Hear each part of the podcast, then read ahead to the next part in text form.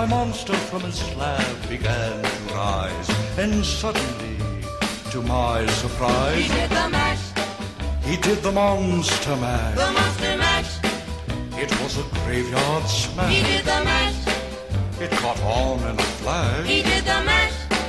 He did the monster mash from my laboratory in the castle east. to the Hej och välkommen till Monsterpodden. Idag ska vi prata om monster. Vilket monster blir det idag Anders? Idag ska vi prata om eh, drakar.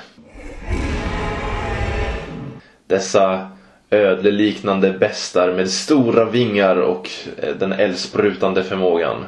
Mums. Mums. ja, kan du berätta för mig vad en drake är? Förutom de där delarna som jag tog. Ja, en, eh, ja men som, precis som du sa är det oftast en ödeliknande varelse. Eh, som har beskrivits i mytologin sedan eh, åtminstone 5000 år före Kristus. Det finns alltså två stycken huvudsakliga eh, grenar av, av eh, mytologiska drakar. Eh, varav den ena är den eh, kinesiska eller asiatiska draken och den andra är den europeiska draken. Mm. Ja, om man ska snåra ihop det lite i alla fall. Det finns Ja. ju mycket mer men De huvud, ja, huvudsakliga det är de två grenarna, liksom. Vad kan vi säga om de europeiska drakarna? Ja, är, de europeiska drakarna är de som mest liknar det vi ser i dagens fantasy. Mm. I Game of Thrones och i eh, tv-spel såsom Skyrim. I eh, Hobbit-filmen, Ja, Desolation of Smaug. Och eh, ja, mycket mera. Mm, och de är ju som sagt de som har de här vingarna och eh, det här klassiska utseendet med eldsprutande e- egenskaper och eh, i många fall så vaktar de ju också skatter som är till exempel Hobbit som är en klassisk, eh, Mm. det är en ganska gammal bok så. Eh, I alla fall från 1900-talet men Ja, det är faktiskt en av de få händelser i den här podden då, jag har läst boken men inte sett filmen. har du inte sett Hobbit? Inte... Alltså det är ju, vad- vadå, tre filmer nu? Jag, har se, jag har faktiskt sett... Den... Ja just det, har det släppts tre filmer? Nej. Är trean på väg, eller? Ja. Den kommer i december. Ja precis, det är trean som är på väg. Ja. Jag har dock eh, sett ettan. Jag Mm. har sett kanske en tredjedel av eh, tvåan innan jag somnade. Ja. Så jag har inte sett liksom Smaug, Smaug-delen. Det är ju faktiskt det bästa. Jag tycker inte om de eh, filmerna så jättemycket. Jag föredrar Sagan om ringen-filmerna mycket mer. Och det är ju just Smaug som är en av de bästa detaljerna i de filmerna måste jag säga. Just det här med att Smaug vaktar på en stor skatt är ju hämtat ifrån eh, den, my- mycket hämtat från den nordiska mytologin.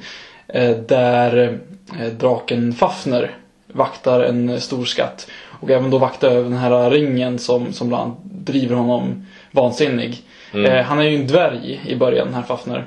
Okej. Och det här eh, guldet gör honom girig och förvandlar honom till slut till en, till en drake. Tills han blir eh, eh, blir, blir ihjälslagen utav Sigurd Fafnersbana tror jag Mm, heter möjligtvis. det kan vara så. I alla fall, och därifrån hämtade eh, då tolken inspirationen till historien om eh, Smaug som vaktar på den här stora skatten och har ett eh, bröstvärn täckt av juveler som gör hans pansar eh, ogenomtränglig. Förutom på en fläck, som jag minns det. Mm, så typiskt. Och där har vi ju fått eh, den här historien om, om eh, eh, Drakar som vaktar och skatter som blivit sen till eh, bland annat spel som, som Drakborgen. Ja, som går ut på att ta sig in, ett, det är alltså ett, ett eh, brädrollspel som går ut på att ta sig in i ett mystiskt eh, slott och hitta drakens kammare som är fyllt med guld. Mm, precis. Väldigt roligt spel.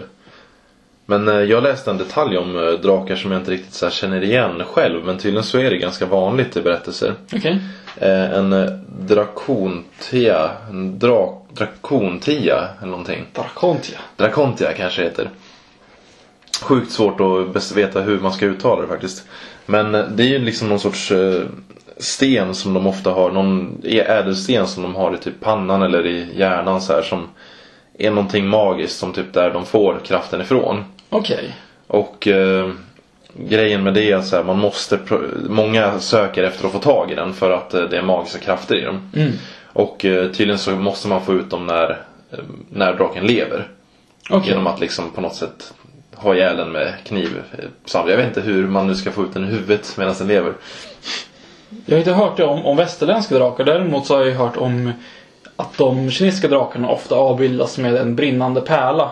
Mm. Eh, som, som symboliserar deras, deras eh, makt och, och visdom. Just det. Så det är väl kanske någonting som har, har kommit därifrån. Mm. En annan egenskap som jag läste det är ju faktiskt i den svenska folktron så har de ju ofta egenskapen att kunna förvandla sig till vad de vill. Jaså? Mm. Eh, av någon anledning sådär för att kanske nästla sig in i, hos människorna kanske och ta skatter. I don't know. Jaha. Har vi en stark tradition av drakberättelser i Sverige? Inte en jättestark tror jag men det finns ju några stycken. Det gör det ju. Det finns ju en som eh, jag gillar och det är ju Sankt Göran och draken. Ja. Mm. Det är en som, den är väldigt vanlig i konst eh, i typ Sverige men också runt om i övriga länder tror jag. Eh, Sankt Göran och draken, eh, det är ju då en berättelse om eh, en, eh, ja Sankt Göran då som räddar en stad från en hiskelig drake som också har kidnappat en jungfru eller en prinsessa beroende på vilken version av berättelsen man tar. Ja. Och det är ju den här klassiska där han tar ett spjut och skär upp i huvudet eller bröstet eller Ja. beroende på hur man vill se. Och ehm, det är en kul grej faktiskt. I Mora där jag kommer ifrån så finns det en eh, ganska stor staty av det här eh, på gågatan. Fin, Finns det någon, någon bakgrund? Alltså varför har Jag vet inte riktigt varför just i Mora. Men, eh, och det är typ vapenskölden för Mora på något sätt. Den är i alla fall väldigt förknippad med Mora. Okej. bilden.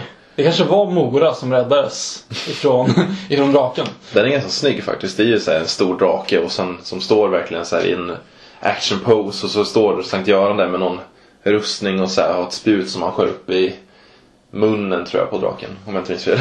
Jävla coolt. Ballt. En annan, en annan stad som har tagit åt sig det här med, med drakar är ju Sundsvall. Ja, Som har drake som sin symbol lite grann som Gävle har, har geten eller bocken som ja verkligen. Och de symbol. tar det ju nästan ännu längre. Men, men alltså jag fattar inte varför, varför drakar i Sundsvall? Jag har aldrig förstått. Jag har sett de här färgglada drakarna. De har någon gång som har haft en fontän av en drake på, på tågstationen tror jag. Mm. Men jag har aldrig liksom fattat kopplingen. Nej, alltså de finns ju där lite överallt. Det finns någon som typ klättrar på en vägg och är färgglad och ful och någon som typ hänger i luften tror jag som är så här hängd ovanför eh, byggnader eller mellan byggnaderna på någon gågata där. Mm. Eh, Och vad jag, lä- jag läste på och eh, det är en så här konstig koppling för det var ju en stor brand i Sundsvall. När det nu var. Okej. Det är ju en, en grej som Sundsvall är väldigt känt Alltså, typ för. Att det var en ungefär- stor, sta, stor stadsbrand. Ungefär som den här branden i, var, det? var det Chicago eller vad var det som brann i USA? Ja, det vet jag inte. Men jag vet inte om det var 1800-talet, om det var början av 1900-talet som det var. Och typ som att draken skulle vara någon symbol för så här att den skyddar mot elden. Jag, jag förstår inte. Det är snarare att de kanske startar elden. Men det är, just de, att de kör på drakar är typ vi har dem som någon sorts skyddssymbol. Att den lever, att den överlever flammorna? Ja, jag vet inte hur. Okej. Ja, det, är, det är lite coolare än, än äh, Galbocken i alla fall. Ja. Även om den också är ganska cool när den brinner varje år. Ja, Vi borde ha en jättestor halmdrake som, med en eld, inbyggd eldkastare som bränner, bränner ner byggnader varje år. ja. Eller bränner ner bocken så att vi får det gjort eh, varje år ändå. Det borde vi satsa på. Vi, vi, vi mejlar bockkommittén efter programmet. Har Ja, absolut. Vi får kolla vad de tycker. Men det jag gillar med Sankt Göran draken som då är en, en eh, historia från, från Östeuropa från ungefär 900 till 1000-talet. Eh, det är att det är den, det är den första historia, eh, som vad jag känner till i alla fall, där eh, det beskrivs att en, prins eller hjälte eh, kommer och räddar en prinsessa från en, en drake. Och därifrån känns det som att alla de här klassiska sagorna om, om eh, eh, Damsel in distress eh, och draken liksom. Ja, det är ju en väldigt samlar. vanlig berättelse faktiskt. Eh, om man ska gå in på mer detalj så, så var det då vid en stad som kallades för Lasia. Där det fanns en damm som var stor som en sjö. Och i den här dammen så bodde alltså en drake som eh, förgiftade allt vatten i området. Och gjorde eh, människor och boskap sjuka.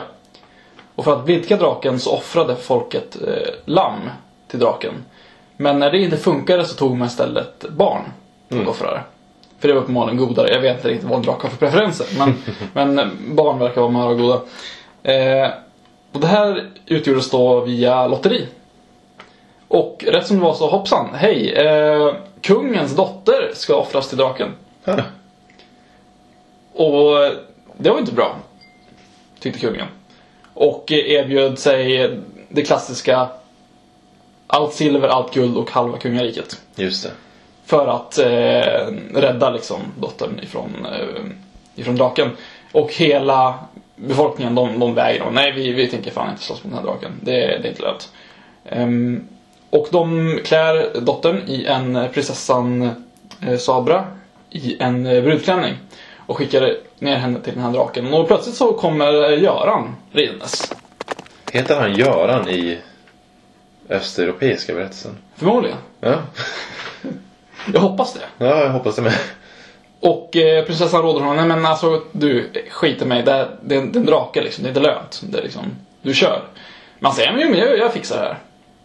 Så han rider fram till draken som försöker attackera honom, men Göran gör korstecknet över bröstet. Vilket eh, skyddar honom från draken. Och eh, då tar han sin lans, fram och spetsar draken eh, och ger henne dödligt sår. Därefter så ber han prinsessan att eh, kasta sin gördel om eh, drakens hals.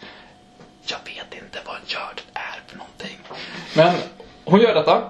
Och eh, draken blir eh, lugn som en liten hundvalp. Mm. Och sen levde de lyckliga alla sina dagar.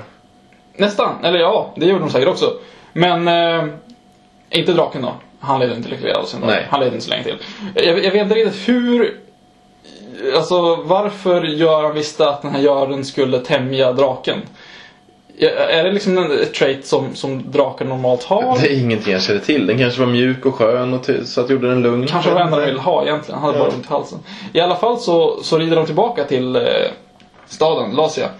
Och eh, visar upp draken för människorna där som blir helt eh, fruktansvärt rädda. Och säger men så här kan jag inte göra, det är ju en, en drake. Jag säger men det är lugnt.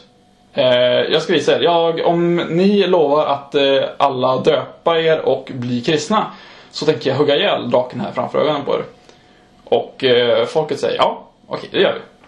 Så att han tar sitt eh, svärd Askalon och eh, dräper draken och eh, de eh, fyller eh, flera kärror med dess eh. Blod! Med blod. Ehm, och 15 000 man exklusive män och kvinnor, jag vill säga exklusive barn och kvinnor enligt det jag läst, eh, döps och kristnas därefter. Det kanske bara liksom- var propaganda. Förmodligen. det har nog utvecklats väldigt mycket. I och med att historien togs från Östeuropa till eh, Västeuropa via eh, korsriddarna så, så kan nog eh, många saker ha altererats Just därefter. det. Vilket monster! Monster! Monster! Monster! Ja, monster! Monster! Monster! Monster. Monster! Men eh, jag tänkte dra några andra så här, mytologiska drakar från runt om i världen. Ja. I eh, Uppenbarelseboken i Gamla Testamentet, nej, Nya Testamentet i Bibeln. Ja. Speciellt ur då Johannes eh, ja, uppenbarelsebok. Så finns det faktiskt en bäst med sju huvuden, tio horn och sju stycken liksom, kronor eller horn antar jag. Som eh, var mer eller mindre var en drake. Och i Bibeln så var det ofta så att när de skulle på något sätt eh, visa på Satan så använde de en drake typ. Mm. Det är nog mer tillfälle också som han visas som en drake. Okej. Absolut.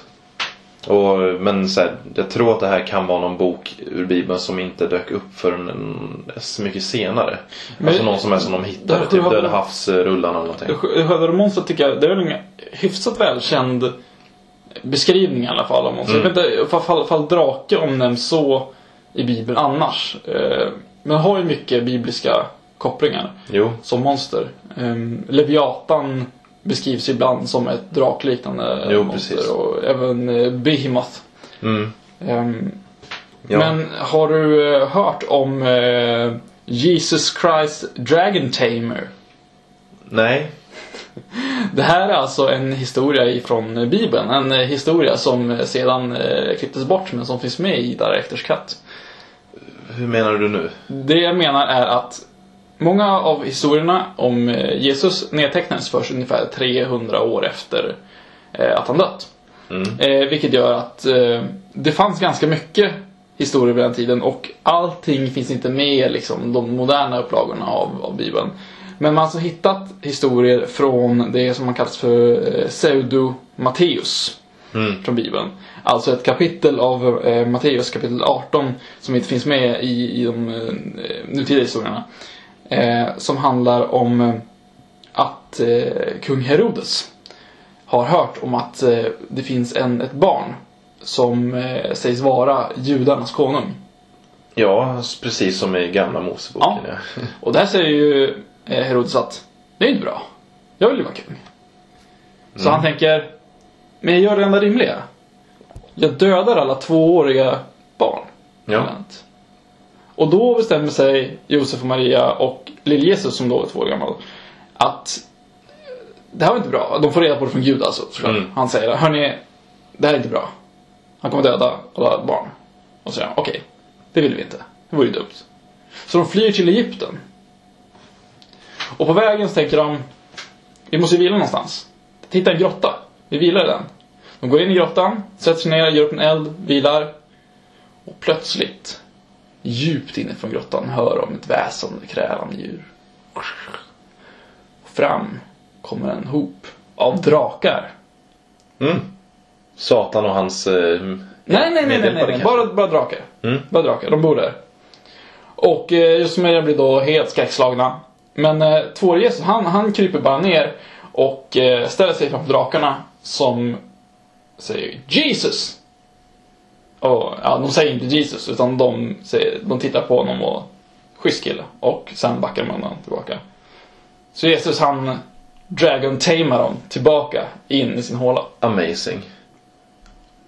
Varför är inte den här kvar eh, liksom den, eh, den bi- bibeln som finns nu? Jag vet inte. Kanske att, att många ville ha att Nya Testamentet skulle vara lite mer jordnära Mm. än, än Gamla Testamentet och därav valde att klippa bort de här lite väl svårsmälta. Kan vara så.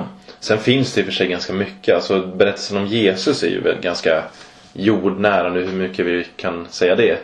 Men eh, det finns ju senare böcker i Nya Testamentet som är väldigt så här lika, liknande som Gamla Testamentet. Mycket konstigt sådär. Men eh, som sagt, du, du pratade om Leviatan. Och det är ju boken eh, Job som också är i Uppenbarelseboken tror jag. Och det är, där stod det att den eh, sprutar rök och eld. Så det är också en så här Återkommande. lite drakig grej sådär. Sen finns det i Babylon så har vi dödsdraken Tiamat som Just är en eh, legendarisk sådär. Och eh, det är en av de första drakarna faktiskt som man har hittat i liksom mytologisk historia så. Mm. Och eh, berättelsen kring Tiamat är så att eh, det är lite så att eh, Tiamat eh, förenade sig med en gud som hette Apsu som typ symboliserade sötvattnet på jorden. Genom att de förenades så uppstod liv på jorden. Och eh, Tiamat dödades sedan av guden Marduk. Och eh, på det här sättet så skapades världen av eh, drakens kropp. Och eh, Vintergatan, alltså vår, eh, vårt solsystem va? Vår galax. Galax. Den skapades av svansen på draken. Okej. Så en liten skapelsemyt så. Och, och hur, hur, ungefär hur länge sedan? Är det här typ 2500-3000 år före Kristus? Någonstans där? Det vet jag inte men det måste vara länge sedan alltså. Ja. Det tror jag. Och eh, sen har vi de gamla aztekerna. De här mystiska folket som fanns där borta. Som eh, försvann ganska fort när västerlänningarna kom och höll på. Mm. Eh, de har ju sin som heter Quetzalcoatl. Jag vet inte riktigt hur man uttalar det. Quetz- Quetzalcoatlus, tror jag det är. Mm. Och det är typ den högsta guden inom deras religion. Mm, den stora ormguden. Ja, det är typ en befjädrad flygande orm som ofta på något sätt ser ut som en drake då. Mm. Eh, sen har vi egyptierna. De beskrev faktiskt drakar som eh, onda varelser som utdelade, pl- utdelade plågor mot det som hamnade i dödsriket. Så det finns lite överallt i världen. Mm. Sen har vi vikingarna också. De hade ju en annan som heter Nidhögg. Ja. Den kanske känner till. ja, den som gnager på en av Yggdrasils, Ja, precis. Yggdrasils rötter. Mm, jag tycker det är en cool bild. Att den sitter där och tuggar lite på Jag träd. minns inte ifall det var att att eh, Nidhögg fick sitt gift genom att han absorberade gift från källan under roten. Som eh, jag inte kommer ihåg namnet på nu tyvärr. Eller för att det var så att, han förgift, att hans gift förgiftade källan. Mm. En Så annan- kan det säkert vara. En annan drake är ju också, förutom då Nidhögg och, och eh, eh, Fafner, är ju eh, Jormungandr, eller Midgårdsormen, som också beskrivs som en eh, drake. Fast det är väl mer en orm bara. Ja. Alltså verkligen bara en orm. Men det, det är liksom så här, de, de går ihop lite längre bak i mytologin. Att det gamla grekiska ordet för, för drake betyder också stor orm eller stor ödla. Så att man använder det länge för att beskriva både eh, ormar och eh, andra varelser som Ja, påminna om dem. Men jag tror ändå inte att Midgårdsormen var en drake. Det är väl, det är väl en tolkningsfråga helt enkelt. Ja. Men, men det intressanta tycker jag också att precis som, som eh, draken i Sankt Göran-historien eh, så beskrivs också alla de eh, nordiska drakarna inte som eldsprutande utan som giftsprutande. Just det.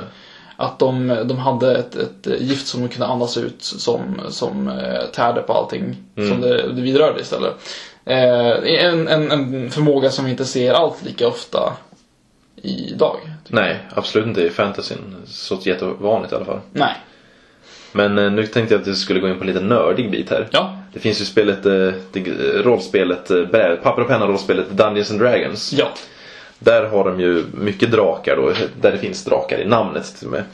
Så um, där kör ju de att de typ uppdelar drakarna i färg. Då är det typ att eh, om de är så lite ljusare drakar så är det snälla drakar. Är de mer i så kromade färger, lite mörkare och så, då är de onda. Dumma drakar. Och sen är de uppdelade så att en blå drake, det är en drake som skjuter blixtar. En röd, det är en klassisk som skjuter eld. En svart, det är syra. Vita kan eh, skjuta liksom frysande stråle. Eh, gröna gör gas eller gift. Och eh, sen har vi gyllene som kan göra allt det här. Det, det har ju oftast beskrivits som att människor som är ovana vid att spela Dungeons Dragons och som ger sig ut och ser en drake plötsligt Mm. tänker genast den ska vi slå ihjäl. För att folk förväntar sig det. Det är det man gör i Dungeons and Dragons. Man slår ihjäl drakar. Det är det, det, är det hjältar gör. Man går i grottor och dödar drakar. liksom. Precis. Eh, men drakarna i, i Dungeons and Dragons-spelen är väl eh, kända för att vara oerhört eh, mäktiga. Ja, det är väl det svåraste man kan möta typ. Ungefär. Något av det svåraste. Och de, de är väl oftast väldigt intelligenta och eh, kan både tala och använda magi. Jo, Där har de ju hämtat ganska mycket tror jag inspiration från, från de asiatiska drakarna som, som beskrivs som, Mm. som mer magiska väsen eh, än vad de, de västerländska traditionellt sett Just gör. det. Har Men du spelat Dungeons and Dragons? faktiskt aldrig Dungeons and Dragons, men jag har kört eh, Drakar och Demoner, den svenska. Det är inte en version utan det är ett eget rollspel. Ja. Men eh, det har jag spelat i alla fall. Jag tror inte vi mötte några drakar dock. Nej, okej. Hoppas det. Eh, Men som du sa, det här med ordet eh, dragon som eh, då kommer från grekiskan. Eh, Ordet drakon. Det betyder ju som du sa orm, typ. Antingen, det kan betyda dragon. Men det kan också som sagt betyda serpent of huge size. Eller a water snake. Så det är, ja. Det kanske bara är ormar vi tänker på. Men ehm, vingarna på drakar, det är ju någonting som är väldigt eh, coolt tycker jag. Jaså? Ja men de har ju de här enorma liksom, det är typ fladdermössvingar. Ja, det är lädervingar. Ja, alltså det är ju väldigt, det är ju den typen av vingar de har. Ja. Så eh, hur kommer det sig det liksom att de tog, tog från, alltså någon egenskap från en fladdermus egentligen? Jag vet inte, jag tror kanske att det är, det är en, en modern association. Att, jag tror att tidigare kan man nog ha beskrivit dem som mer eh, alltså fjäderlika vingar eller, eller inte vingar alls. Många berättelser berättar ju bara om, om drakar som, som krälar på fyra ben. Mm, Eh, så det kan vara en, en modern association. just det. Men de känns ju coola. Det känns ju mer rimligt att de skulle ha lädervingar än, eh, än fjädervingar. Absolut. Om vi inte kör så att, eh, om vi tar det, att dinosaurierna också var håriga, eller fjädriga. Så kanske drakar Jo. också var det. I och för sig. Om nu drakar har funnits, men det... Det, det, det fanns ju, du nämnde den här eh, Quetzalcoatl. Mm, Eh, som också är namnet på en, eh, inte en dinosaurie, men en flygödla. Så nämligen den största eh, någonsin funna flygödlan som var ungefär stor som en giraff. Mm. Och kunde flyga just med, med eh, de här lädriga vingarna. Så, så att Även om jag inte tror att, att, att drakar som de, som de eh, ritas eller som de designas idag skulle kunna flyga med det, det vingspannet. Så har det ju funnits helt enorma varelser som kunnat flyga med, med eh, sådana vingar. Jo, precis. Men eh, sen finns det också wyverns. Det är ju typ liknande drakar. Ja, Fast de har ju typ, de har vingar, precis som en drake. Men de har bara två ben. ja. Så det är som att de, det är de istället för framben och, eller armar så har de bara vingar istället. Jag tror att det är den ursprungliga beskrivningen av dem. Eh, i, I engelskan. Mm. jo, det, är, ju- eh, det är mycket liksom eh, bilder på drakar som ser ut så även i Norden Ja. också. Men i mycket fantasy så gör man ju andra fördelningar av. Till exempel att, att Wyverns inte skulle vara regelrätta drakar utan en, en lägre stående art, en, släck, av, en avart draken som inte är lika mäktig, en svagare variant. Jo, typ mer någon sorts flygödla istället för en gigantisk eh, legendarisk väst sådär. Ja, precis. Monstret. Monstret. Monstret. Monstret. Monstret. Monstret. Monstret. Monstret. Monster. Jag vet faktiskt att jag har sett en dokumentär om drakar någon gång. Ja, jag vet vilken du menar. Kanske, jag tror att det är The Last Dragon från 2004 men jag är osäker. Eh, Den heter, den här dokumentären, nu gör jag eh, citat, citationstecken i, i luften här. Den heter The Last Dragon, A Fantasy Made Real. Mm, det, det är som sagt den jag tror att jag har sett. Och den var ju väldigt så här, de skulle göra en dokumentär då om en varelse som inte finns. Så det var ju så här CGI-drakar och grejer. Och de gick ju in på så här, ja men de hade en sorts körtel i halsen som gjorde att de kunde spruta eld och de flög runt där och där och gjorde det här och åt det här. Och så här. Jag tyckte den, när jag såg den, ja jag tror jag såg den när den kom typ. Och då var jag väl, gick jag väl i me- mellanstadiet typ. Var den så, så gammal? Jag minns att den kom... eh, Den är från 2004. Är den 2004 till och med? Mm. Shit, så gammal. Jag, jag minns bara att den, den visades på TV någon gång mellan eh, 2006 och 2008 någonstans där. Men jag tyckte den var häftig i alla fall. Den var häftig, den är häftig. Den finns på sin helhet i Youtube för de som vill kolla Jaha, på den. Eh, och jag har sett delar utav den, jag såg ganska nyligen ungefär halva av den eh, innan jag somnade som jag ofta gör när jag kollar på saker på Youtube. Den är ganska lång också, men den är ju väldigt påkostad och, och eh, de går ju verkligen in för det och försöker göra en, en dokumentär om hur drakar fungerat om de funnits på riktigt. Mm. Och storyn är alltså att ett gäng arkeologer i, jag tror att det är Serbien, hittar en eh, drake nedfrusen i en, en eh, bergsglaciär. Mm. Och eh, sen började de forska på det här. De visar liksom hur dinosaurierna levde samtidigt med dinosaurierna, hur de, hur de rivaliserade om bytet och liksom hur, ja, hur de skulle fungera. Att de hade ben som liknade fåglarna som var uppbyggda av eh, luftutrymmen och eh, strukturer inom det som, som höll ihop dem. Mm. Eh, för att de skulle bli lättare och så, så kunna också flyga med de, de det. lädervingarna. Ehm, och det, det, det, det är så lustigt med det här för att en, när jag gick i gymnasiet så var det en eh, tjej som gick i eh, klassen över mig tror jag som hade sett den här dokumentären.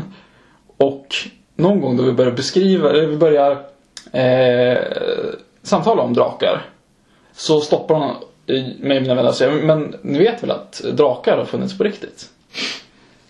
Nej, vad, vad- menar du nu? Jo, men det finns en dokumentär Ah, som berättar, som visar att de har hittat drakar på riktigt, att de fanns liksom.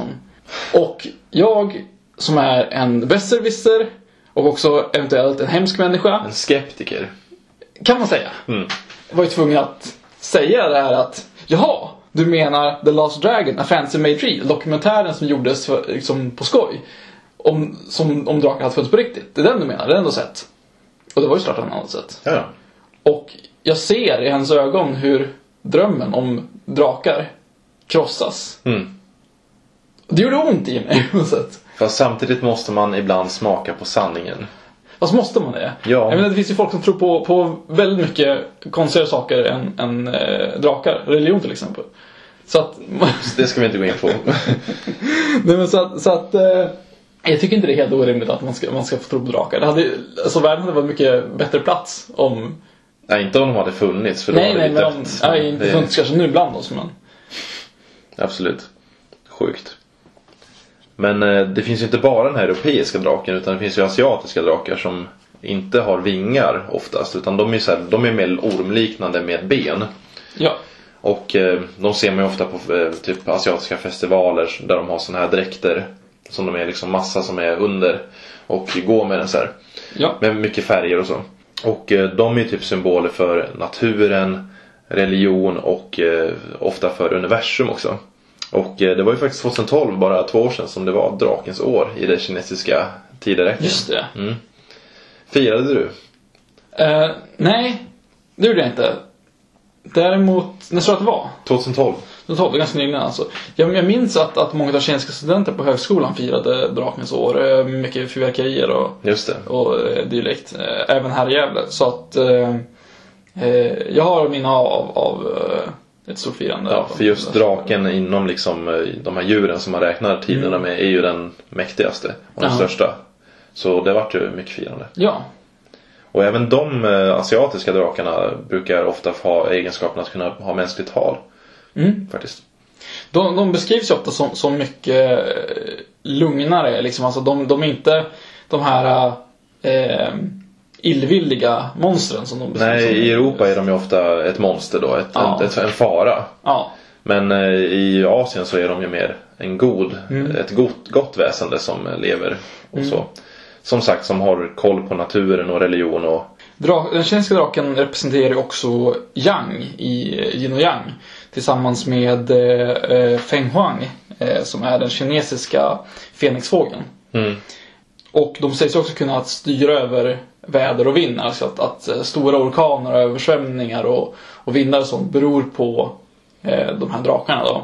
Som vissa fortfarande tror på. Det dyker fortfarande ibland upp eh, fotografier som, som sägs eh, visa drakar i på himlen under stora stormoväder.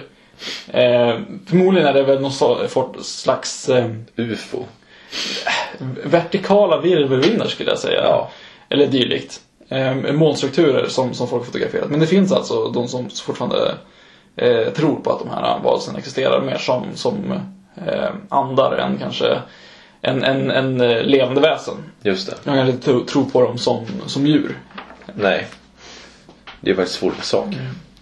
Men eh, vi brukar ju ofta gå in på det här hur man kan förklara varelserna. Vart de kommer ifrån. Alltså vart själva idén kommer ifrån. Och eh, många teorier är ju att eh, för länge sedan så hittade folk kanske dinosaurieskelett. Och undrade vad sjutton det här var och kanske kopplade ihop det och såg att det är någon sorts varelse som är enorm och har vingar liksom och så. Och är farlig. Eller att man kanske hittar skelett från en val till exempel och inte kunde förstå vad det var Ja. för någonting. Hitta på en strand liksom. Speciellt För Kina. de ser ju väldigt underliga ut Ja. eh, om man inte vet var de faktiskt kommer ifrån. Speciellt i Kina så beskrivs ju ofta att man, man från långt tillbaka hittat eh, dinosaurieskelett. För Kina är ju ett utav de, en av de länder som är absolut rikast på, på dinosauriefossil. Mm. Eh, världen. Och det, det är väl där man har hittat flest än idag. Nya arter än idag också. Och eh, fortfarande så finns det folk som, som gräver upp dinosauriefossil och eh, använder dem i, i medicin. Mm. Och alltså det är inte att, att gräva upp en dinosaurie och tänka att det här är en jättestor eh, monsterödla. Det är ju det är faktiskt inte, det är inte långt ifrån. Det är inte det. Så, Problemet är att vi, inte- alltså, vi kan ju inte ens veta hur en dinosaurie sett ut. För Nej. det är ju skitsvårt att säga. Det är bara, vi har ju bilder av dinosaurier men ibland kan jag tycka att de västerländska drakarna är mer lika dinosaurier än vad de kinesiska och asiatiska drakarna är. Mm. Men eh, annars kan jag också hört att det kan vara liksom folk som inte hade sett till exempel en varan eller en krokodil eller något sånt. En stor ödla. Att eh, det kan vara folk som sett dem första gången och av rädslan så ser de perspektivt eh, liksom större ut och farligare. Och då kan folk ha tänkt det där är en drake, de finns liksom. Mm. Men egentligen var det bara någon sorts ödla som finns här på jorden. Ja, förmodligen. Fast samtidigt så ser inte en krokodil särskilt drakig ut. Fast det gör de väl ändå lite grann? Lite grann men ändå inte. De är så platta och har de här långa munnarna liksom. Ja, men släng på lite vingar på den liksom så... Ah, det är inte en jättesnygg eh, drake faktiskt. Ja, nej men de, de flesta som, som sprang in i krokodiler kanske inte stannade jättelänge för att, för att Nej, de såg någonting enormt i liksom vassen och Ah shit, ett monster. monster. Monster, precis. Den eh, äldsta avbildningen av en, en eh, drake i Kina är en staty som man har hittat. Eh, som man daterar då, som jag tidigare nämnde i början av podden, till 5000 år före Kristus. Så att den här har ju funnits i kinesisk mytologi i alla fall 7000 år. Mm. Vilket inte är att säga lite. Nej. Och säkert i västerländsk mytologi i åtminstone eh, 2-3 tusen år kanske. Ja. En seglivad varelse som Ja. eh, fortfarande är eh, en av de största eller främ- mest förekommande monstren i, i popkulturen. Ja, de är ju verkligen eh, kvar. Alltså, de är fortfarande väldigt populära i fantasy och tv-serier och spel och allting. De finns ju överallt. Ja. Minns du förresten, eh, du har väl kanske sett eh, filmen Den- oändliga historien? Ja. Någonting som jag varit förgrymmad över när jag var liten var hur eh, när de skulle presentera filmen på TV eh, sa att det här är, är historien om pojken Atrejo och hans stora flygande hund. Mm. Det är ingen hund! Det är en lyckodrake! Ja. Så- Men den är hårig och ser väldigt, väldigt mycket ut som en hund Jo. i filmatiseringen. Det gör den. Men Falkor i alla fall. Som är lyckodraken i Mikael Endes bok Den oändliga historien. Här har jag faktiskt också ett tillfälle då jag har läst boken. Mm. När, som barn. Eh, En bok som jag tyckte väldigt, väldigt mycket om. Som är väldigt, väldigt annorlunda ifrån från filmen. Eh, Där filmen är betydligt mer nedtonad än, än eh, vad boken är. I originalversionen på tyska så hette Falkor Future. Future. Och eh, namnet kom från japanskans Fukuryu. Som betyder lyckodrake. Mm. Så han var ursprungligen gjord för att vara en, en eh, asiatisk drake, en asiatisk Okej. lyckodrake. Och i många illustrationer så beskrevs han som mer, eller han, han eh, illustrerades som mer eh, tiger eller lejonliknande. Ja, gestalten av han i filmen är ju ändå ganska kinesisk drake. Förutom att han är en hårig hund. Ja, precis. De, de gav han medvetet mer eh, hundlika Mm. eh, detaljer i filmen för att han skulle verka snällare. För att Americans, they know what dogs are. Exactly. Nej, men, och, han beskrivs inte så jätteväl i boken. Utan han, han beskrivs mest som att han har eh, vit skimrande päls och fjäll. Mm. Eh, han är en av eh, fem stycken drakar som, eh, som med i boken. Men den enda som, som eh, beskrivs i detalj. Men sen har vi också Game of Thrones eller eh, bokserien A Song of Ice and Fire. Ja. Där har jag läst första boken och påbörjat andra i alla fall. Och eh, det jag gillar med den, eller Game of Thrones överhuvudtaget, det är ju att de har det här, det är en fantasyvärld men just fantasybiten är nedtonad väldigt mycket. Ja. Så att när det pratas om drakar och andra varelser så, så blir det väldigt Det blir lite som mytologi i verkliga världen. Att så här, de pratar om att det har funnits och att det kanske finns där ute i fjärran länder och så. Och eh, så är det med drakarna i Game of Thrones. Att de, de är utdöda Ja. i berättelsen liksom. Och eh, jag minns en scen väldigt mycket i tv-serien när man får höra lite hur de hade drakskeletten och så i de gamla tronrummen hos eh, The Targaryens. Mhm. Där de på ett eh, snyggt sätt kastar in mycket naket och snusk samtidigt som det är väldigt mycket berättande. Så är det han eh, prinsen, vad heter han? Eh, Joffrey? brodern till eh, Da- Daenerys. Ja, jag kommer inte ihåg vad han heter, men jag vet vem du menar. Mm. Han eh, ligger med en eh, prostituerad i ett badkar och eh, håller på. Och hon eh, börjar, de börjar prata lite så här vad hon har för drömmar och typ så. Och hon tänker att jag skulle vilja flyga som en drake. Och typ åh jag skulle göra allt för att få se en drake. Och då börjar han berätta om sin barndom när de hade drakskelett i de gamla kammarna. Och så berättar han liksom det var Velaris, Mergaxis någonting och sådär. Och de blir ju bigger and bigger hela tiden. Och samtidigt är det någonting på hans kropp som blir bigger and bigger. Medan han, ja. But as you got closer to the Iron Throne, they got bigger.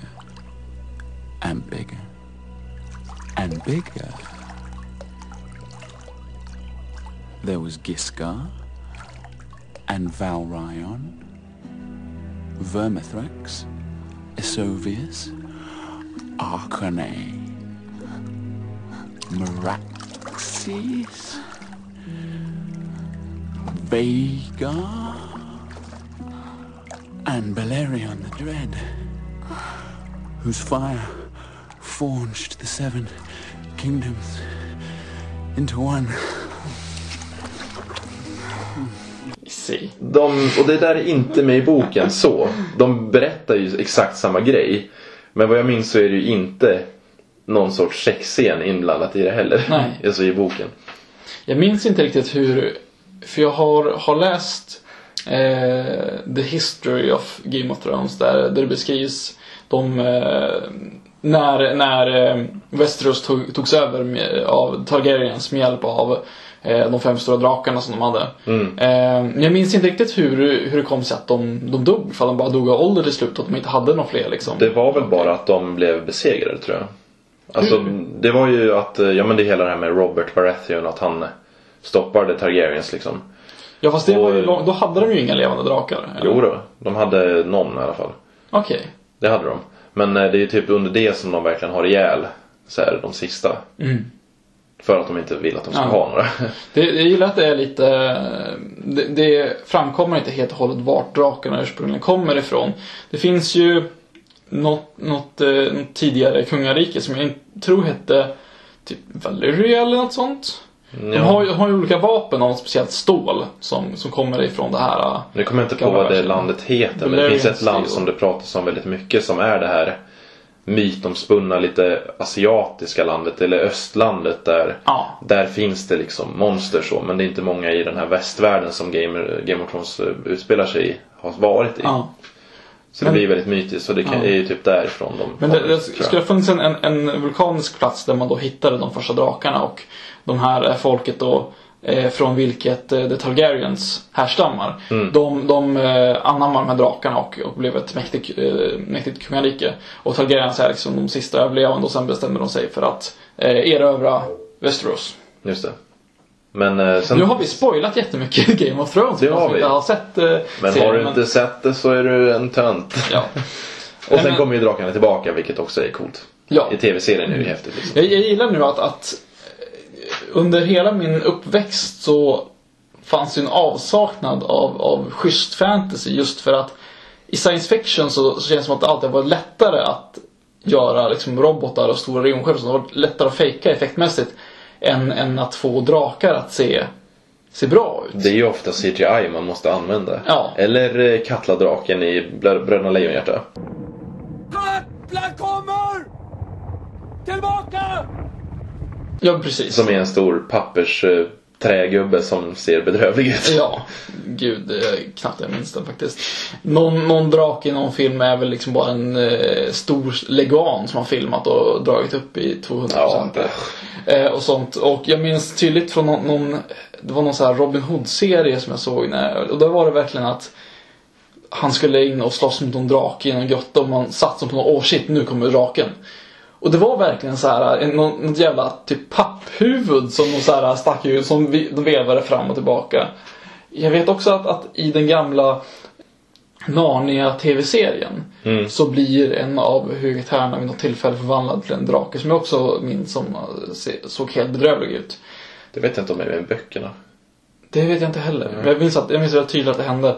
Och det är först liksom när, när CGI, CGI har blivit bättre och bättre som man har börjat kunna göra drakar som man kan ta på allvar som känns som att de är liksom eh, i, inte känns så plastiga eller liksom Jo, dumma i huvudet på något sätt.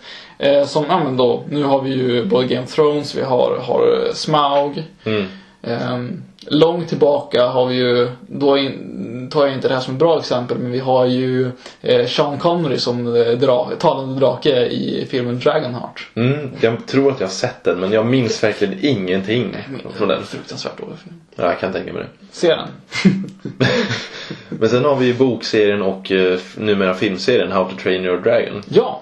Eh, jag har inte läst böckerna. Nej. Jag har hört att de ska vara väldigt annorlunda. Ja. Men väldigt bra också. Men filmerna är ju jättebra tycker jag. Ja, absolut. Ettan gillar jag framförallt. Men sen är ju tvåan sjukt jäkla episk också. Ja. Med de här gigantiska superdrakarna som de tämjer. Ja.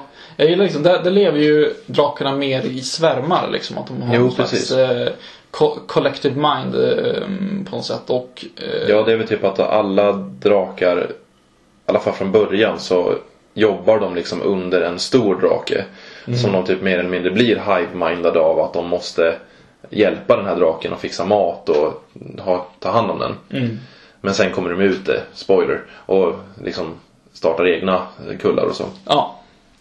Där finns det också typ olika, jag vet inte ifall liksom så här, det är olika eh, Alltså de, de bara har olika krafter eller ifall det verkligen är olika arter Jag tror att det är olika arter. av, av eh, drakar som samarbetar. Ja men det är väl olika. Typ Snapdragon och massa olika. Och så vet jag vet i det här med då eh, Hiccups drake är ju en eh, Toothless heter han. Är då en eh, Night Fury. En extremt sällsynt, eh, väldigt farlig eh, drake. Jag tycker den har en väldigt konstig design den draken. Du tycker det? Mun, hu, kattliknande. huvudet är liksom så här lite runt och käften är väldigt så här också rundat på alla sätt. Till skillnad från många andra drakar som ofta har en spetsig käft och så. Ja, han, han ser mer ut som, alltså beteendet är väldigt kattliknande där. Mm. Och designen är väl, ja, kroppsmässigt så är han ju mer så gecko-liknande nästan Jo. kan jag tycka. Bred käft och plattnos och... Jo, skulle man ta bort vingarna och göra den grön och sätta den på en vägg så skulle det se ut som en gecko. Men, är kanske lite för mycket retorering för att liksom det ska vara tufflöf överhuvudtaget. ursprungligen så tänkte man göra filmerna väldigt eh, lik eh, som boken. Och i boken är för mig att där, det finns inte Night Fury utan det är någonting som hittar på i filmen. Utan där är istället Tutlas drake en liten typ gräsdrake eller någonting för mig. Mm. Som beskrivs som, som, som rätt ofarlig och, och betydligt mycket mindre än, än eh, eh, Toothless. Men, men eh, i produktionen så bestämde man sig för att eh, nej, vi, vi, vi vill att draken ska ha en mer aktiv roll i historien. Eh, och därav så skapade de den här Night Furyn som, som var, ja, farligare men ändå samtidigt eh, med stark personlighet. Och där har vi ju liksom animerade filmer helt och hållet. Så då blir ju de här inte jättesnygga. De är ju snygga men det är så här, hade de här drakarna varit kopplade till en riktig film så hade det ju sett bedrövligt ut. Ja. Jag minns att i början när, filmen kom så tyckte jag att de var så oerhört... Jag tycker de var ganska fula de drakarna. Eller de var så här konstiga, så här, mycket de här äh, överdrivna formerna, de här klotrunda, de här äh, supersmala. Men, men ju mer jag har sett filmen desto mer har jag börjat uppskatta de här äh, designerna som de har. Och, som sagt, det finns ju hundratals äh, olika drakar i de här filmerna. Så eftersom har jag börjat tycka om dem mer och mer faktiskt. Ja, de är nice. Men eh, sen finns det ju bok och filmserien Eragon också. Just det, är helt Som eh, typ var- den skrevs som någon här, typ 17-åring första boken. Alltså, ja, det var typ, man han var typ ännu 17 yngre när Ja, han skrev den. eh, jag har inte läst dem och så men jag har sett första filmen och sen vart det inga mer filmer för den var inte så bra. Den var helt fruktansvärt dålig. Eh, det är väl många som påstår att även om böckerna inte är... De som har, känner som har läst böckerna säger att det är inte en... Alltså det är en jättebra bok. Men med tanke på hur gammal han var när han skrev den så är det ju alltså, välskrivet. Ja. Han är ju inte en dålig författare liksom, sett för sin ålder. Och det är en ganska klassisk historia om, om eh, en pojke och hans drake. Jo. Som det ofta har berättats om, om eh, förut. Mm. Men, eh, ja, sagt, många säger att filmen, den lever inte upp till, till eh, boken på så vis att man skulle egentligen göra en, en bekostad remake utav den. För att man skulle kunna göra det bra. Ja. Men just att Eragon är en, en som du sa, helt ja det, det blev ju inte några uppföljare på den för det finns ju fler böcker. Ja, det finns Så- många fler böcker. Det finns en fem, sex stycken tror jag. Oj, så pass. Men, jag tror eh, att den sista boken släpptes för några år sedan och heter Brisinger. Mm. Inte helt säker. Ni, don't quote me on that. Utan, eh, men jag, vet att det finns eh, ett gäng böcker Kidsen på skolan kommer gå runt och bara så du vet, eh, sjut, sjut, sjunde boken, eh, Aragon, Brisinger, yeah. Och så går Ja. de runt där med fel fakta. Ja, men jag, alltså, jag känner folk som har, har läst böckerna så vet att jag kommer bli rättad på det här. Mm. Men, eh, ja. Testa att läsa böckerna om ni gillar Ja. drak, draklitteratur. Sen har vi ju från eh, manga-serien Dragon Ball Oh ja. så har vi draken Shenrong eller Shenlong beroende på vilken översättning du ser eller läser. för. Och det är ju liksom en mer asiatisk drake så. Den ser väldigt typiskt så. Grön och den här långa ormen och så fast den har två armar tror jag. Och eh, den kör ju lite på det asiatiska som sagt att den styr över universums krafter och lite så. Och då är det att man samlar de här sju legendariska drakkulorna och då kan man önska sig vad man vill. Och Där kommer ju den här asiatiska draken tillbaka som en, en form av lyckobringare då. Jo, precis. Och, nu spoilar jag lite här. Men eh, i slutändan så visar det sig att eh, den här draken Shenlong och de här drakkulorna kommer ifrån rymden. Ja.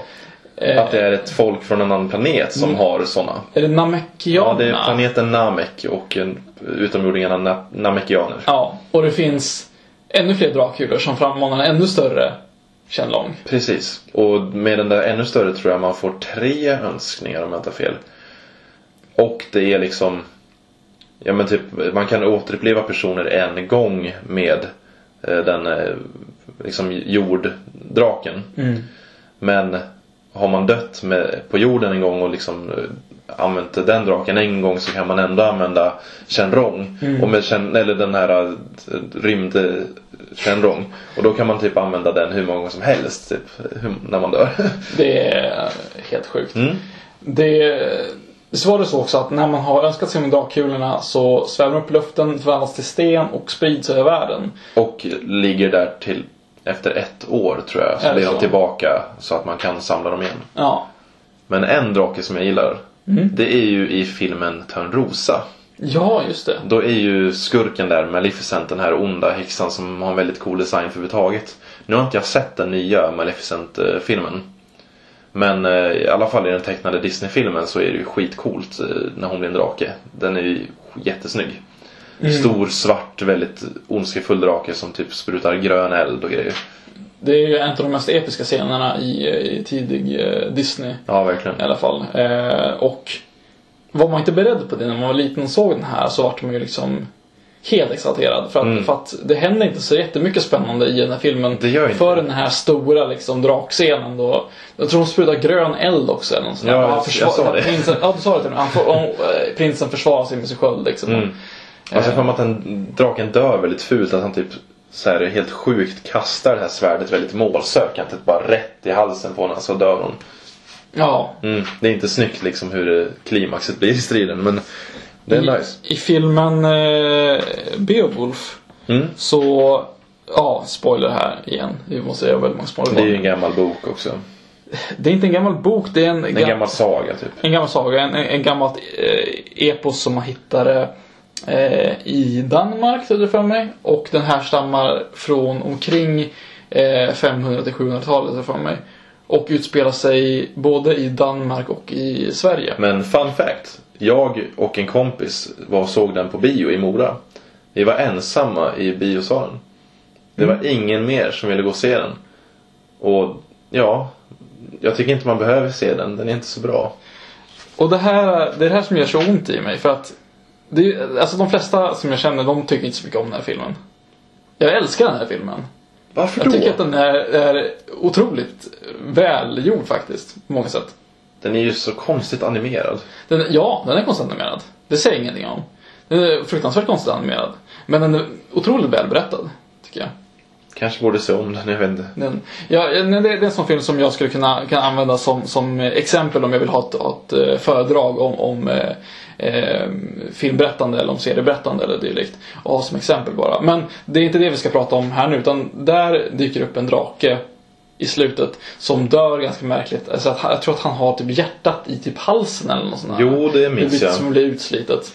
Ja, det är som att den liksom syns väldigt tydligt. Den syns genom skinnet att den sitter i halsen typ. Och där är väl någonting liksom att, att drakens form är egentligen en mänsklig form. Liksom att han är en människa och när han blir en drake så, så han drar bara ut på den här kroppen. Så att, så att innandömet blir liksom inte helt anatomiskt korrekt. Nej. Eller dylikt. Men, men eh, cool drakfight. Jag tycker att det är en bra film. Anders tycker inte det bra se den här filmen. Nej. Bestäm själva. Det finns ju också en film som heter, jag tror den heter Förtrollad på eh, svenska. Och nu går jag tillbaka till det här Disney lite grann. För Enchanted va? Enchanted heter den nog. Där har vi också den här häxan som förvandlar sig till, till en ganska... Är inte den här jättemysiga filmen där det är liksom att det är en tjej som kommer från en fantasyvärld som hamnar i vår värld? Jo.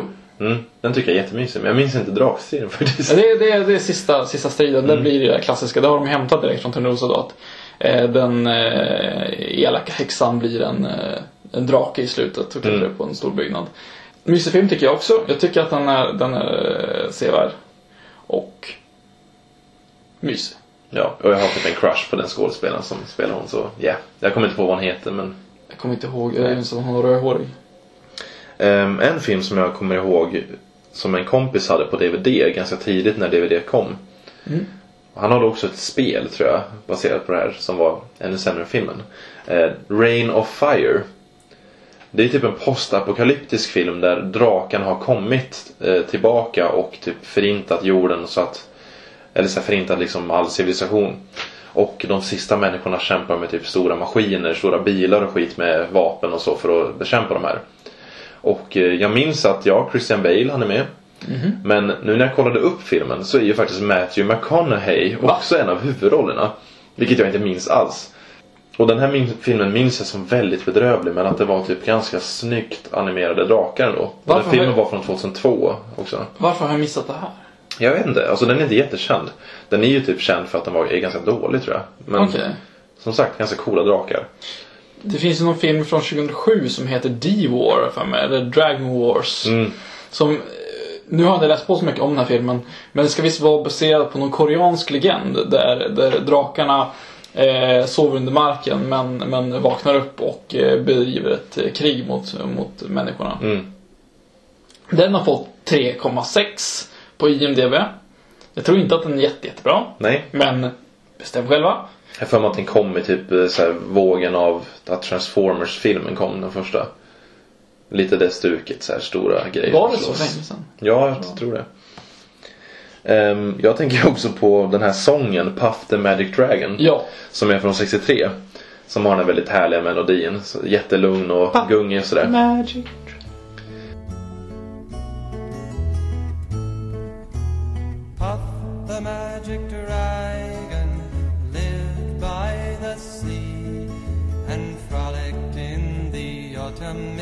In a land called Honolulu. Little Jackie Paper loved that rascal. Ja, och där finns det ju liksom referens till att det skulle handla om typ droger, alltså marijuana eller Ja. eh, rök. Man, man brukar ju kalla, eh, jag tror, är det heroin som brukar kalla för chas- Chasing the Magic Dragon? Mm. Är bara chasing, jag kan inte ens prata idag. Chasing the Dragon. Ja, däremot så har ju en av låtskrivarna kommit fram eh, på senare år och sagt Nej, det har ingenting med Mariana att göra. Det är, det är bara en gullig låt. Det är, det är, för er som har lyssnat på den här så det är en otroligt eh, tragisk eh, berättelse egentligen. ja det är väl typ att draken dör och grejer. Att det är någon som Ja. träffar en pojke och sen så är de kompis och sen dör draken. Ja, och det handlar väl typ, ska ju handla enligt den här eh, låtskrivaren då, om att ett barn som, som eh, men förlorar sin barndom liksom. Man glömmer bort liksom hur det är att vara barn och man Mm, förlorar liksom sin oskyldighet. Eh, det är en, också en otroligt repetitiv melodi. Ja, Det, det är samma melodislinga i typ så här fem minuter någonting tror jag. Den är lång. men om du minns de här Mongo från yttre rymden och Super Mario Långben, såg du någonsin dem? Nej. Det var jättekonstiga parodier som någon idiot gjorde på typ tidigt eh, 2000-tal när internet började komma så. Ja. Bredband och så. Som var liksom seriestrippar av typ Långben och Kalanka så. Som de ju skrev egna eh, repliker och så. Hade jättekonstiga röster hade de. Och då tror jag det är i Super Mario Långben, alltså som är Långben då. Att hans bakgrundslåt är typ en så här, lite midi-version av den låten. Okej. Det var typ så jag upptäckte den låten till och med. Men sen har vi ju som sagt, vi nämnde tidigare The Elder Scrolls 5 Skyrim. Ja. The Dragonborn som slåss mot drakar. There's one they fear. In their tongue, is Dovahkiin, Dragonborn.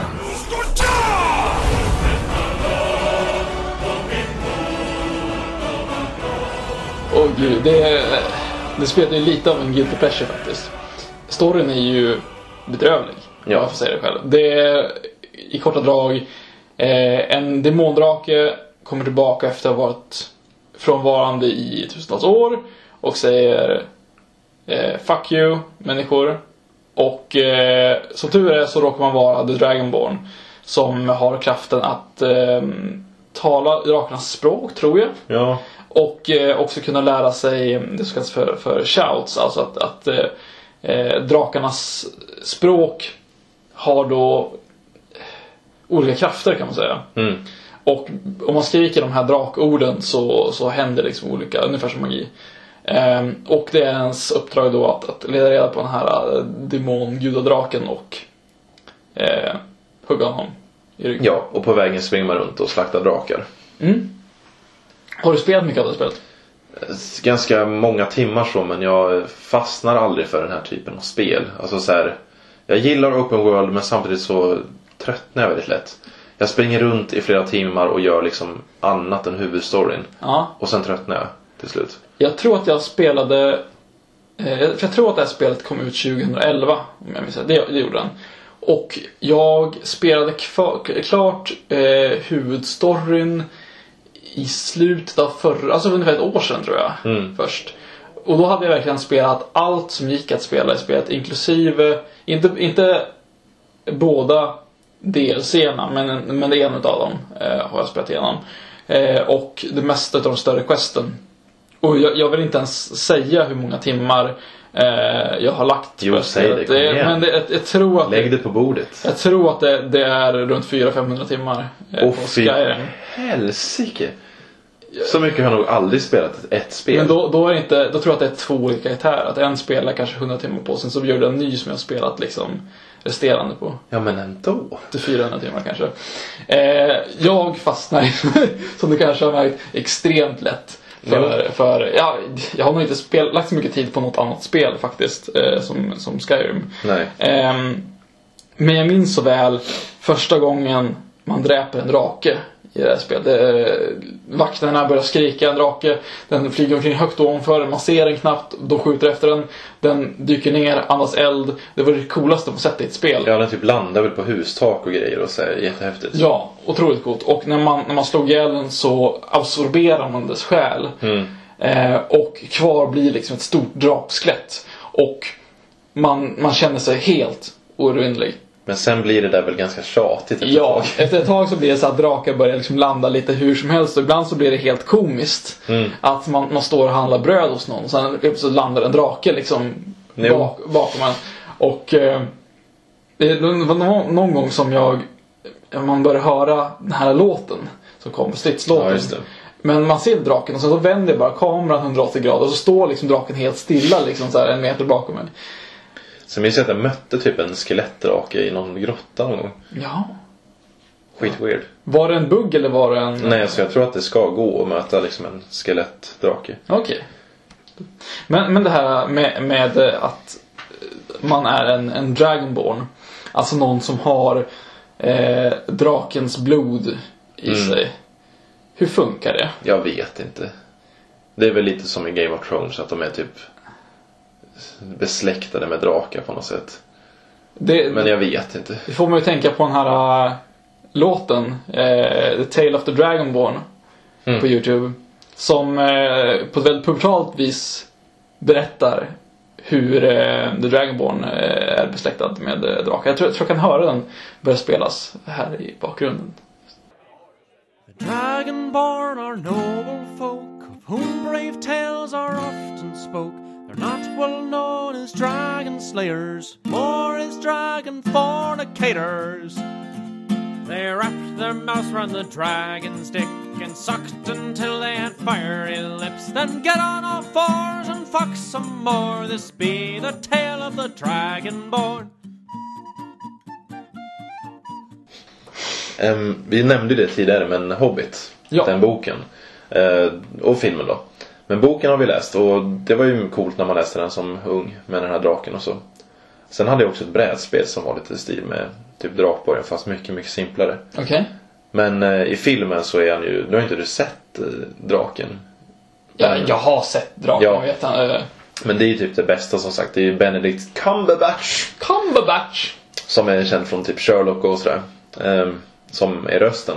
Ja. Som verkligen, han eh, förstärker sin röst väldigt mycket och gör den jättemörk och skitbra liksom. Mm. Och det är så coola scener när han ligger i det här enorma rummet som är helt täckt med skatter. Och så ligger han där liksom och sover där under och kommer fram och börjar prata med Bilbo.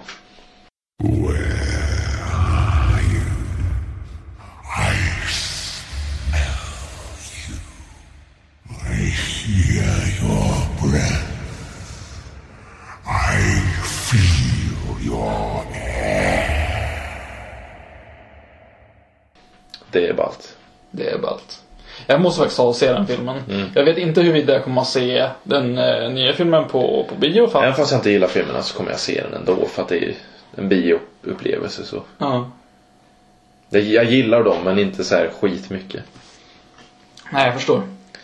Eh, En cool drake, det är ju Bahamut från Final Fantasy-serien, tv-spel. Ja. Bahamut ifrån eh, Final Fantasy. Ja. Som eh, dyker upp i de flesta serierna och är en väldigt så här, den är en svart drake med mycket detaljer och så här. Den är skithäftig tycker jag. Jag minns inte vilket spel han först dök upp. Ifall det är en i... Typ trean tror jag. Ja. Eller fyran. Jag har inte spelat trean så där har jag inte helt koll. Men eh, han är också... Det, men, men namn Bahamut är väl taget från, från The Behemoth. Ja, det, det finns en Bahamut i typ Om det är Indien eller om det till och med är typ eh, Jerusalem eller något liknande. Ja. Men den är något helt annat, det är inte ens en drake. Nej, vänta ett tag. Det, har, det tror jag att jag har hört talas om. Är inte det en jättestor typ elefant eller något sånt där? Ja, elefant eller något liknande typ. Alltså, jag läste att det kan vara en elefant eller något annat. Mm. Men eh, den är alltid cool att frammana i spelen tycker Det jag. finns ju också eh, en, en rymdbahamut i jag tror att det är i, i sjuan som man tycker fan heter typ Bahamut Zero eller någonting. Jo, där, precis. Som, som flyger ut i rymden och så här, samlar en stor energistråle som man sedan Mm. skickar ner till jorden på ens Ja. fiender. ja, det är inte den som är den här attacken. Ja, det är Sephiroth i slutet som gör en attack som typ skjuter i sönder alla planeter i solsystemet och till slut landar på jorden. just och typ det. tar skada på våra hjältar. Eh, Sephiroth Supernova Mm. det kallas. Det är weird. I de, några av de senare Final Fantasy så har vi också draken eh, Adremalek. Okej. Eh, som i eh, den, de delen av spelen som utspelar sig i världen Ivalice. Så, så förekommer istället för Bahamut eh, Adremalek som en, en återkommande boss. Men eh, jag tänkte på det väldigt mycket när du pratade om det här med eh, drakberättelsen. Att det är en riddare som räddar en prinsessa. Mm. Då har vi ju filmen Shrek. Som Ja! väldigt mycket följer den storyn. Att det är en, inte en riddare nu då den här gången, men han klär ut sig till en riddare. Ja. Och drar ut till ett slott och räddar en prinsessa från en stor drake. Mm. Jag gillade den filmen förr. Nu ser jag på de filmerna som så här, vad sjutton är det för någonting? Det är liksom så skräpiga filmer. Alltså ettan är ju en, det är en eh, parodi på klassiska sagor. Ja. Och jag tycker än idag väldigt mycket om Shrek. Alltså den, den ligger mig varmt om hjärtat. Även- Shrek is life. Shrek is love. För, inte, eh, för ni som inte förstår den här referensen, eh, sök Shrek is Life på YouTube. Eh, sätt er ner och njut. Mm. Men eh, tvåan där tycker jag är ju mer en, eh, den är ju en parodi delvis utav eh, klassiska sagor men också utav eh, modern populärkultur. Jag tycker nästan tvåan lyckas bättre som film än vad Ja, tvåan var väl ettan rätt gör. skön. Men sen visste ju en tre och fyra också. Ja, som ni inte behöver se. Nej. Men, men eh, där, där får väl spoiler eh, draken och åsnan barn i tvåan tror jag. Så här små- Ja, åsnan blir ju åsnan då som är vilken skådespelare är det i USA som har Det är rösten? väl Eddie Murphy? Ja, som blir, de blir kära i varandra och får barn. Jag minns inte riktigt hur det, hur det går till. Mm, Nej, nej, inte heller. Jag minns att jag tyckte att den här eh, drakscenen i, i slutet av filmen är, var väldigt spännande när jag var eh, yngre och, och eh, såg den i alla fall. Mm. Det var länge sedan. Ja, det var länge sedan jag såg dem. Jag tänker också på drakmonstret King Ghidorah från Godzilla-serien.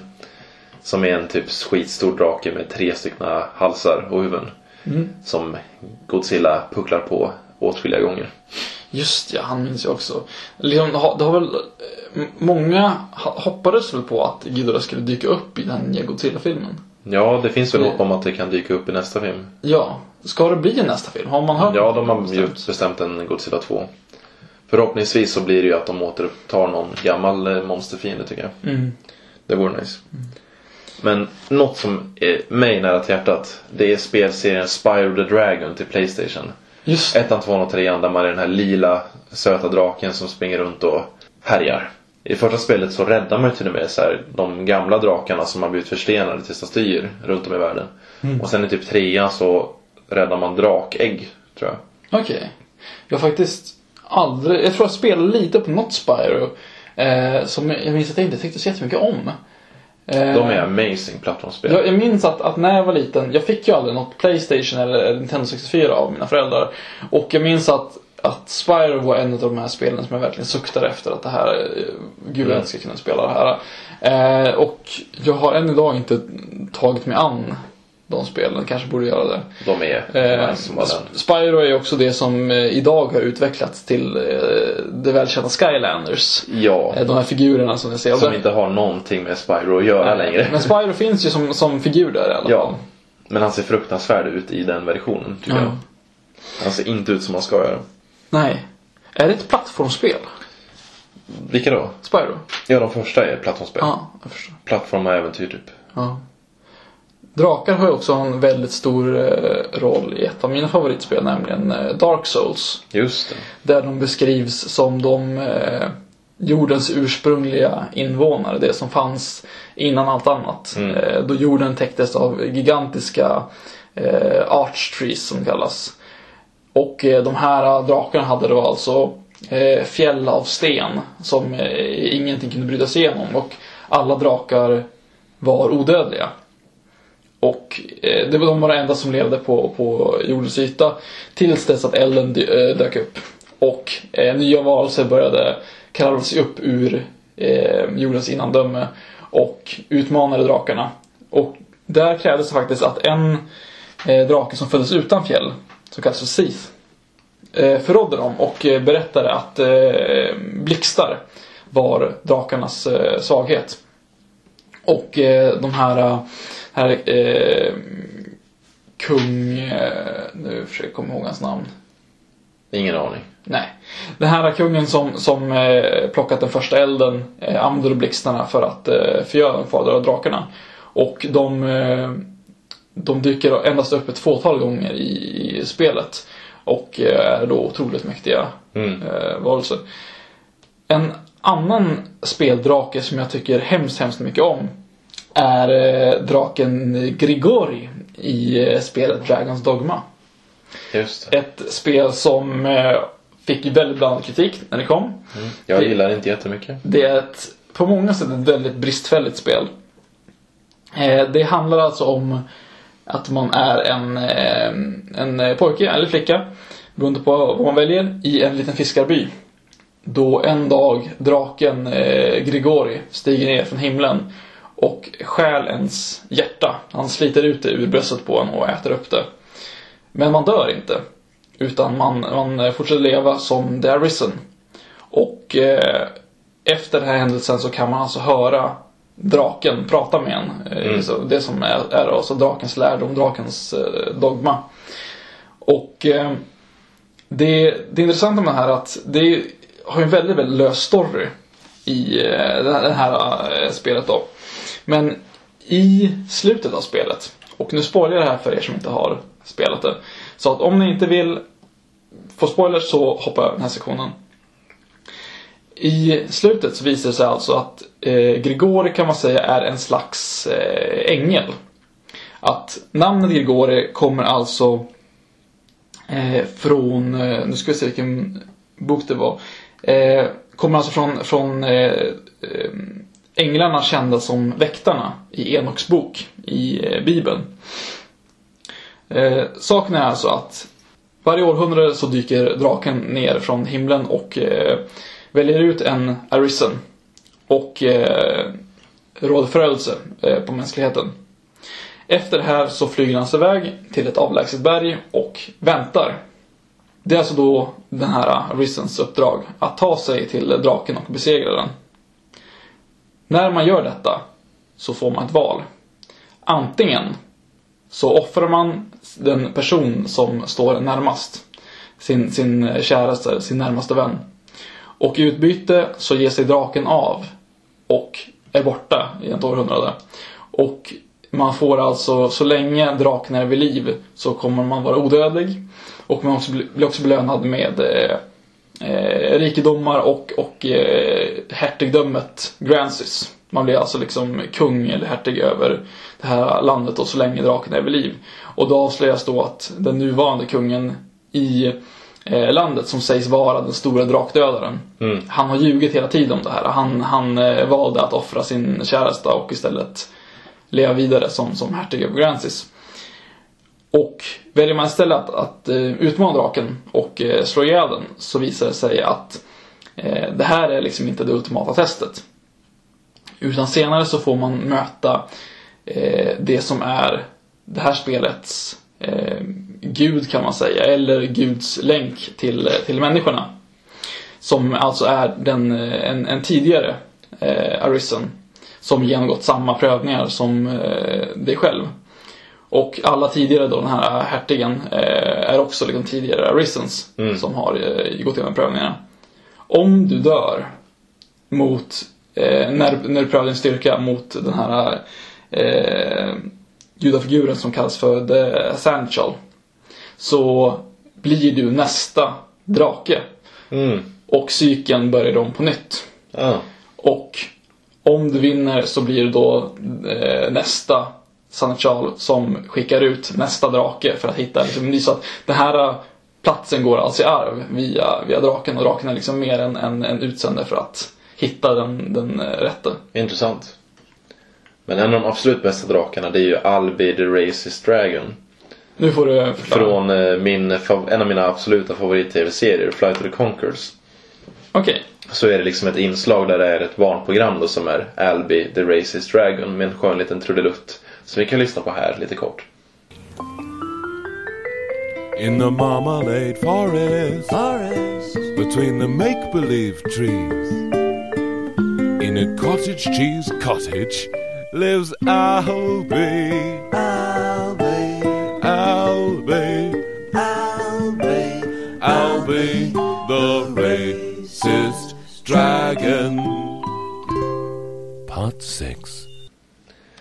Och eh, då är det ju att han, han är en drake som eh, är i en stad och blir, mm, ja, han eh, härjar runt och så. Och så flyr han in en drake, eller i en, i en grotta. Och sen möt, kommer in en pojke som är en the, the badly burned Albanian boy. Som, ja, och han är ju väldigt rasistisk mot den här killen då. Men sen slutar det med att han inte är rasistisk längre. Han visar, han blir, får kärlek för den här pojken. Och är inte rasist längre. Vad fint. Men om vi ska runda av, vad tycker vi om drakar? Är det fantastiskt med drakar? Även om, om jag på sätt och vis börjar önska att folk ville göra någonting nytt av drakar. Precis som jag tycker med, med zombies och kanske lite om vampyrer och dylikt. Att jag, jag känner att den här fantasydraken som sprutar eld som har varit aktuell sen, eh, sen Tolkiens gamla böcker. Eh, trots detta så, så känner jag ändå att fan vad jag tycker om drakar. Mm. Fan vad coola de är. Och fan vad jag kommer fortsätta älska drakar eh, i årtionden till. Eh, så att jag ger nog drakar sex fjäll av fem möjliga. Oj. Det var ett bra betyg. Det är ett bra betyg. Jag gillar drakar väldigt mycket. De, det finns ju så mycket som du säger. Eh, Det finns väldigt mycket coola drakar i massa berättelser och yeah, I like them. Men det är ändå inte något som jag så här älskar så mycket. Så det får en, det får fyra stycken drakdräparsvärd av fy, fem. En sista grej som jag skulle vilja nämna är Mm. ju eh, den här eh, frågeställningen om varför det finns eh, drakar, drakmyter över hela världen. Där drakarna är väldigt lika varandra. Just att beskrivningar av, av drakar är liksom eh, ja, men liknar varandra även liksom i, i eh, Sydamerika och i, i Asien och i eh, större delen av Europa. Eh, och teorin är alltså att draken ska symbolisera ett, ett, eh, eh en medfödd rädsla för de, eh, de tre största rovdjuren. De tre farligaste rovdjuren för oss människor, vilket skulle då vara eh, nu vet inte hur det stämmer, men, men eh, örnen, ormen och eh, vargen. Eller liksom det, Så det, är vargen. en, eh, det är liksom en eh, morf av allting. Precis, liksom att, att det, det finns undermedvetet en bild av ett, eh, det ultimata rovdjuret Mm. hos människor. Och att draken då skulle vara liksom det, det som efterliknar det här mest. Och då alltså, anledningen varför flygande drakar är just för örnen, den har örnens vingar, örnens klor, den har eh, eh, ormens eh, ofta gift och eh, pansarform. och. Och den har alltså eh, vargens jaktinstinkt och tänder.